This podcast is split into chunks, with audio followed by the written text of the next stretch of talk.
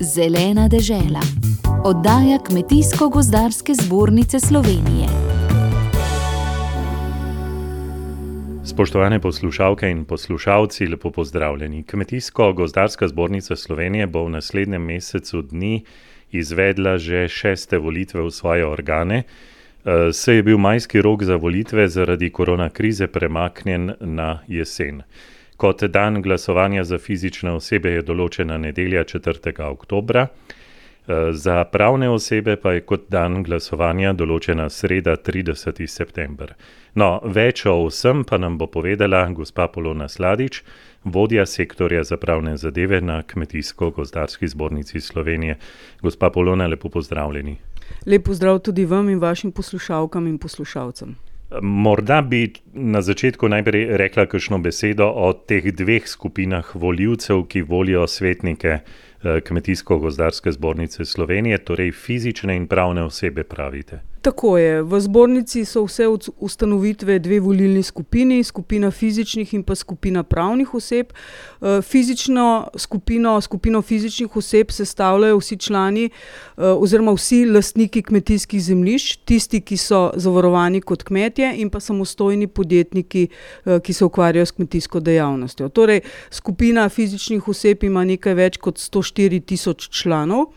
Eh, na drugi strani pa imamo skupino pravnih oseb, ki pa jo sestavljajo pravne osebe, ki so lastnice kmetijskih zemljišč in gozdov, eh, in pa pravne osebe, ki imajo kot glavno dejavnost registrirano kmetijsko dejavnost. Teh članic pa je nekaj več kot 1600. Vsi ti torej lahko volijo, to so eh, voljivci pravzaprav. E, tako je, to so voljivci, e, člani Kmetijsko-gozdarske zbornice z volilno pravico. E, najlažje to ugotovijo tako, če dobivajo od nas časopis Zelena dežela, oziroma če dobivajo vsako leto odmero zborničnega prispevka so bili pa tudi in so še vedno do 19. razgrnjeni volilni imeniki na vseh sedežih območnih enot, kjer lahko vsi člani upogledajo v te volilne imenike, se prepričajo, ali so člani, eh, in sedaj je še odprt rok za, kandidi za kandidiranje, lahko kandidirajo, oziroma kasneje se lahko udeležijo glasovanja. Eh, gospa Polona Sladič, pravkar, eh, pravkar ste omenili, da je še odprt rok za kandidiranje na področju fizičnih oseb. Eh, kdo lahko kandidira pod kakšnimi pogoji? Eh, torej, kandidat je lahko vsak član, ki bo na dan volitev izpolnil najmanj 18 let. Tako kot na vseh volitvah se torej zahteva polnoletnost, pri naših volitvah pa seveda članstvo v Kmetijsko-gozdarski zbornici Slovenije. Eh, rok za kandidature za fizične osebe izteče 9. septembra v polnoči, kar pomeni, da bodo pravočasne vse kandidature, ki bodo do tega roka prispele na sedež Kmetijsko-gozdarske zbornice. Tukaj res upozarjamo na ta rok.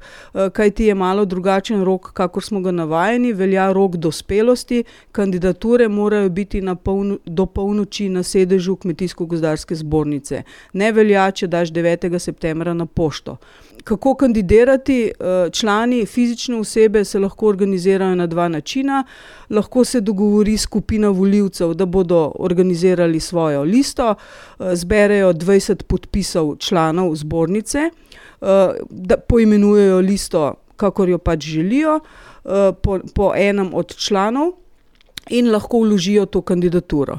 Na drugi strani pa se lahko vloži kandidatura tudi preko organizacij, kmetijskih organizacij, tukaj so zlasti društva, to se pravi društva, ki delujejo na področju kmetijstva, lahko vložijo kandidaturo tako, da zberejo podpise desetih članov zbornice, tako imenovanih podpornikov kandidature. Koliko svetnikov se pravzaprav voli na vsakih takih volitvah? Leto se bo volilo, se pravi, iz vsake območne enote se voli po en svetnik v svet zbornice. Koliko jih ta območna enota prispeva, pa je odvisno od velikosti uh, območne enote. Uh, potem pa se voli svetnike tudi na uh, ravni vsake območne enote, v svet območne enote, tam pa imamo od 8 pa do 12 članov uh, sveta. Torej, vsak bo moral na glasovnici obkrožiti najmanj dve zadevi, če prav razumem. Tako je. Vsi člani zbornice bodo dobili nekako, bom rekla, vabilo oziroma obvestilo o volitvah. Lahko se bodo udeležili glasovanja, predčasnega glasovanja 30.9. ali pa rednega glasovanja 4. oktobra. In, ta, in tam bodo dobili dve glasovnici. Ena bo za volitve v svet zbornice, kjer bodo volili svetnika, ki jih bo zastopal na državni ravni, druga glasovnica bo, pa bo za svet območne enote, tam pa bodo volili svetnike, ki bodo v svetu območne enote. Omenili ste kandidatne liste. Kdaj eh, pričakujete, da jih boste lahko objavili? Recimo do 9. se eh, te liste še vlagajo. Potem, ko se liste vložijo, torej ko se vložijo kandidature, kandidatne liste, jih mora volilna komisija zbornice pregledati, da so pravočasne, popolne, da so kandidati člani zbornice, da so tudi vsi podporniki člani zbornice, torej da je lista sestavljena v skladu z zakonom. Ko to volilna komisija ugotovi, izda odločbo, s katero potrdi ali pa zavrne eh, kandidaturo. Eh, potem pa se povabi vse predstavnike list na žreb vrstnega reda na glasovnicah, in ko je to upravljeno, se objavi razglas. Eh, ta razglas to se pravi potrjenih kandidatur na volitvah v, v Kmetijsko-gozdarsko zbornico, eh, se bo objavil najkasneje 16.9., eh, računoma pa da tudi kakšen dan prej. Objavil se bo na spletni strani KGZS, vsak član pa bo dobil domov tudi tako imenovano volilno zeleno deželo, kjer si bo lahko ogledal vse kandidate za vse nivoje. Že prej ste omenili, da bo mogoče tudi letos voliti predčasno. Torej, tisti, ki ne bi mogel voliti v nedeljo 4. oktobra, kdaj lahko to stori in kje? Tako imenovano predčasno glasovanje bo letos potekalo. 30.9., to se pravi en dan v sredo, 30.9. Od, od 9. do 17. ure in sicer na voliščih, na sedežih območnih enot. Eh, kje ima posameznik volišče, tako za eh, predčasno glasovanje, kot tudi za redno glasovanje, bo pisalo na obvestilo o volitvah, ki ga bodo vsi člani dobili crka deset dni pred uh, volitvami uh, na svoj dom in tam bodo lahko natančno uh, pogledali, kje imajo svoje volišče. Teh volišč imamo letos 255, kar je seveda v primerjavi z državno-zborskimi volitvami izredno malo, manj kot 10% teh volišč. Eh, imamo, ampak žal uh, drugače ne gre, ker si zbornica ne more privoščiti vseh volišč, kakor jih ima tudi država na svojih volitvah. Torej se bo potrebno uh, nekako odpeljati do tja. Uh, verjetno je, uh, gospa Polona, tudi dobro, da se dogovorijo, pa gredo skupaj, pa tako zmanjšajo stroške. Recimo.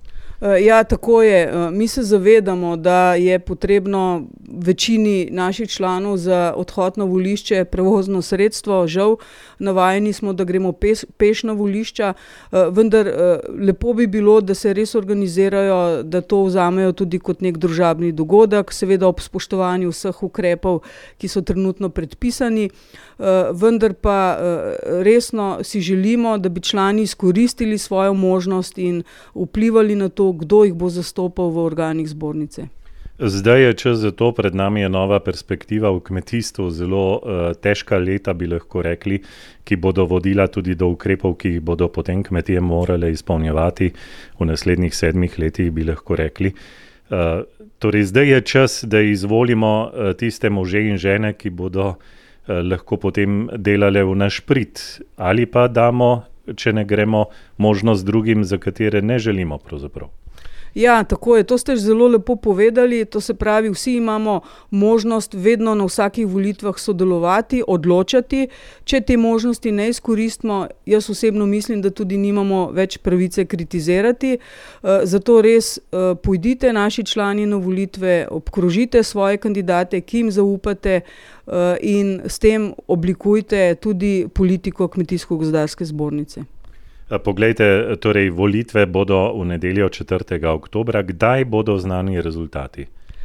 Prvi neuradni rezultati uh, se bodo skušali objaviti že takoj zvečer, to se pravi po zaprtju volišč ob 7. uri.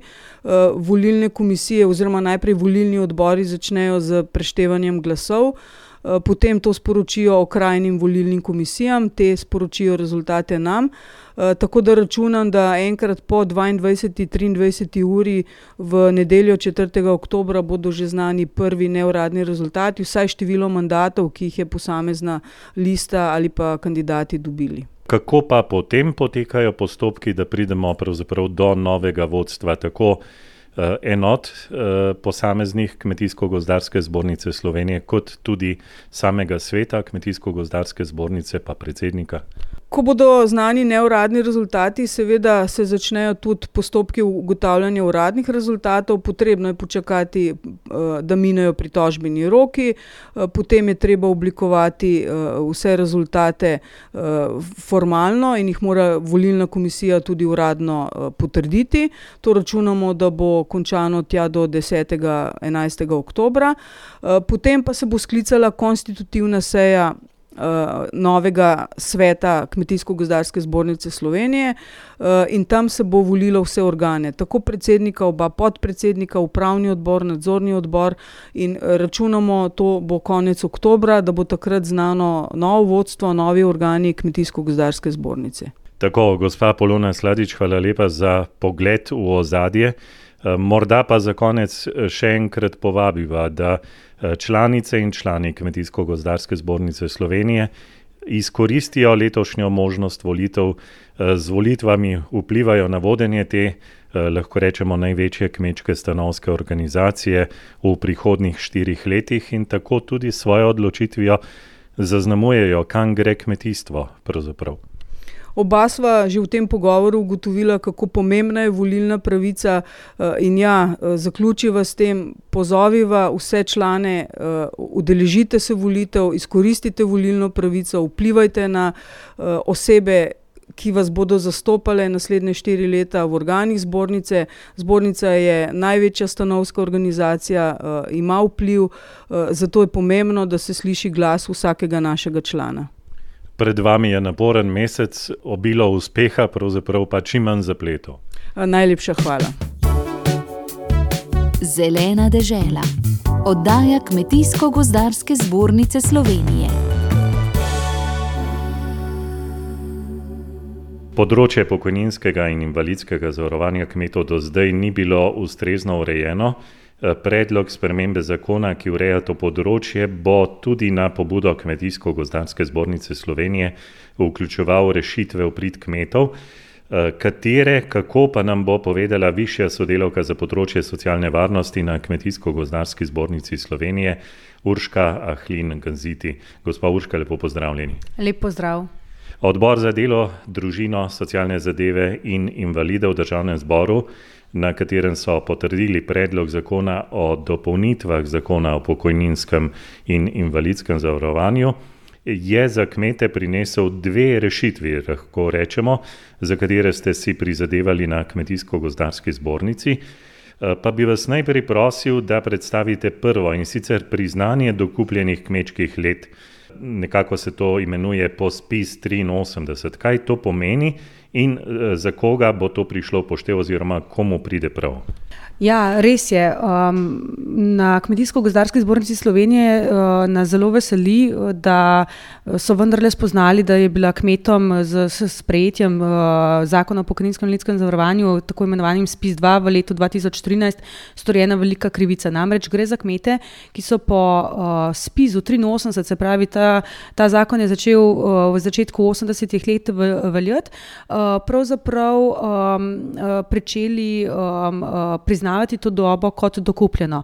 Naj povem, da gre v tem primeru za tiste osebe, ki se pred letom 84, ko je pač uh, vstopil v veljavo um, uh, ta zakon, po katerem so lahko dokupili leta, uh, pravzaprav te osebe sploh niso mogle zavarovati kot kmetje. Niti ne v starostnem zavarovanju, še toliko manj pa v splošnem zavarovanju, ki ga je urejala takratna zakonodaja.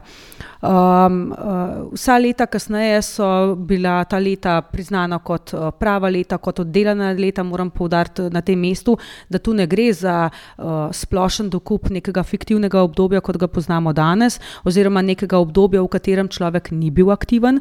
Uh, tu moram še posebej podariti za naše kmete, gre za osebe, ki so delale na kmetiji in so morale za to obdobje tudi pri, uh, pripeljati priče, da so pričale v njihovo korist, da so dejansko delali in seveda so plačali tudi prispevke. Seveda naknadno, ker jim takratna zakonodaja ni dovoljevala, se pravi, vključitve v zavarovanje in hkratnega plačila prispevkov, in vse čas kasneje so tudi načeloma ostajali potem to kmečki zavarovanci. Torej, vsi ti bodo zdaj prišli do rešitve, ki jim je bila s tistim zakonom leta 2013 nekako oduzeta. Tako je. Vsi tisti, ki so že upokojeni, vsem tistim se bo pokojnina odmerila na novo, sicer šele od leta 2021 dalje, pa vendarle. Uh, in seveda tudi še vsi tisti, ki jih upokojitev še čaka, tudi na ta račun. Kaj pa druga ugodnost, gospa Urška Hlinganziti? Uh, spet se gre za plačevanje prispevkov. Pravzaprav. Uh, da, tudi tukaj na tem področju nas uh, zelo veseli, da zakon uh, popravlja krivico, če smem tako reči. Ta isti zakon, pravzaprav SPIS 83, je omogočil uh, vstop v zavarovanje um, uh, širšemu krogu kmetov. Uh, Eh, pri tem pa jih je ločeval. Ločeval jih je na združene kmete in na tiste, ki pač uh, niso se združevali v zadruge.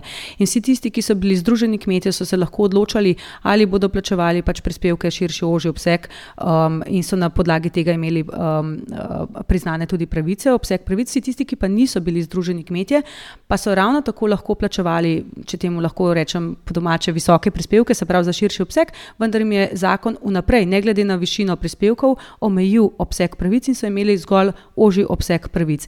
Um, in vsekakor um, gre za ureditev, ki je bila uh, urejena v nekem drugem sistemu, uh, po, kjer so veljale neke druge uh, vrednote. Uh, prav pa je, da uh, v današnji državi to krivico spoznamo in jo tudi popravimo.